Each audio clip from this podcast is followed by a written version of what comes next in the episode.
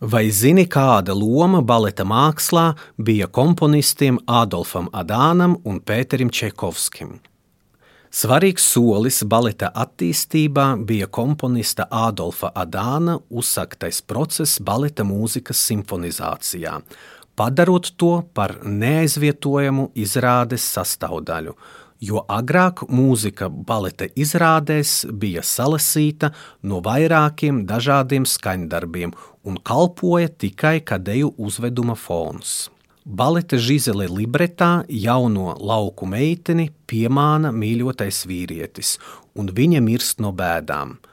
Otra celiena darbība risinās kapos, kur publikas priekšā parādās visu jauno, apmanīto mirušo meiteņu rēgi, kuru sauc par vilām.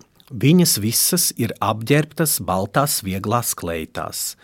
Tieši no šīs žizeles ainas sākās vesela parādība klasiskā baleta mākslā - baltais balets. Šis termins aptver praktiski visas baleta izrādes kurās skatītāju priekšā parādās baltos tērpos ģērbtas balerīnas, simbolizējot romantiskas skumjas pēc nesasniedzama ideāla.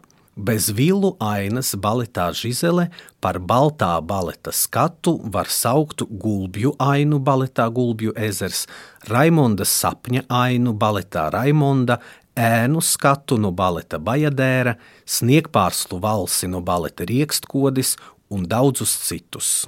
Romantiskajā baletā deja sadalījās divās daļās - klasiskajā dejā un raksturdejās. Vadošie dejotāji un solisti dejo solodejas, kuras iedalās variācijās vai solodejā, padedē vai duetos, padetroā un padekatr, deja trim un četriem solistiem. Ansambļa dejās piedalās no četriem līdz astoņiem dejotājiem, bet kordebalets deju uzvedumos izpilda iespaidīgus kopskatus. Klasiskajos baletos bieži varam redzēt secībā izpildītus deju numurus, kuri ir ārpus izrādes sižeta līnijas, bet ar vienotu māksliniecisko ieceri un kopēju fināla deju, kuru sauc par kodu. Tādu dēļas parādi sauc par divertismentu. Ir jāatzīst, ka neskatoties uz daudzām pozitīvām izmaiņām, ko ir piedzīvojis klasiskais balets, romantisma laikmetā publika nāca uz baleta izrādēm tikai lai izbaudītu dejotāju virtuozitāti, jo bieži izrāžu saturs bija mazvērtīgs un paši izrāžu iestudējumi zemā mākslinieciskā līmenī. Šo paradumu pārliecinoši pārtrauca Pētera Čaikovska baleta Gulbju ezers pirmizrāde 1876. gadā. Izcilais komponists mainīja mūzikas lomu baletā.